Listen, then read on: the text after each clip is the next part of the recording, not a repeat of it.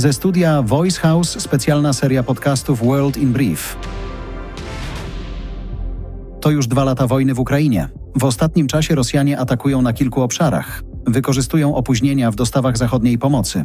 Po czterech miesiącach ciężkich walk wojska ukraińskie wycofały się z Awdijiwki, nazywanej bramą do Doniecka. To największy sukces rosyjskiej armii od czasów zajęcia Bachmutu. Rosjanie przejęli Awdijiwkę kosztem ogromnych strat. Ukraińcy wycofali się na nowe linie obrony, żeby zablokować dalszą ofensywę. Według informacji New York Times część ukraińskich żołnierzy z Awdijiwki mogła trafić do rosyjskiej niewoli. Nowy pakiet pomocy dla Kijowa zapowiedział rząd Nowej Zelandii. Pomoc wojskowa i humanitarna ma być warta około 16 milionów dolarów. Oprócz tego Ukraińcy będą mogli wziąć udział w specjalnych szkoleniach z udzielania pomocy rannym i usuwania min na morzu. Nowy pakiet pomocy ogłosiła też Dania. Chce zwiększyć wsparcie o prawie 250 milionów dolarów. Duński rząd zapowiedział też, że latem planuje dostarczyć Ukrainie pierwsze myśliwce F-16. Według obliczeń Banku Światowego Kijów potrzebuje prawie 500 miliardów dolarów, żeby odbudować kraj po dwóch latach inwazji.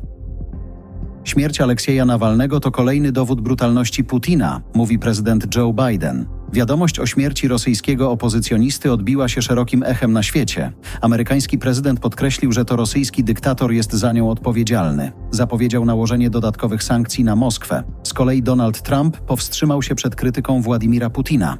Zamiast tego porównał swoje problemy prawne do prześladowań Nawalnego. Aleksiej Nawalny zmarł w kolonii karnej, w której odsiadywał wieloletni wyrok.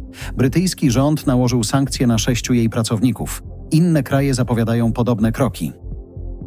Polski i amerykański wywiad przygotowują prowokacje, grzmi Aleksandr Łukaszenka. Zdaniem białoruskiego dyktatora chodzi o zorganizowanie prowokacji przeciwko ludności Polski, a potem zrzucenie winy na Rosję i Białoruś. Łukaszenka nie podał szczegółów, jak miałaby wyglądać taka prowokacja. To nie pierwszy raz, kiedy mówi o rzekomym spisku państw Zachodu. Spotkał się niedawno z przedstawicielami białoruskich służb bezpieczeństwa i wezwał do zorganizowania na ulicach miast patroli z bronią palną. Jego zdaniem to ma ochronić mieszkańców Białorusi przed przestępstwami o ekstremistycznym charakterze. Z kolei w zeszłym tygodniu wprowadził na granicy z Ukrainą operację antyterrorystyczną, podczas której, jak twierdzi, aresztowano kilkoro sabotażystów.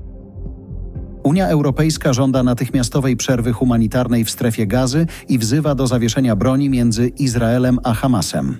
W tym czasie będzie możliwe uwolnienie zakładników i zapewnienie pomocy. Tylko jeden kraj nie podpisał się pod wspólnym oświadczeniem, ale szef unijnej dyplomacji nie powiedział, który. Agencja Reutera, powołując się na wypowiedzi innych dyplomatów, pisze, że były to Węgry, które są bliskim sojusznikiem izraelskiego rządu.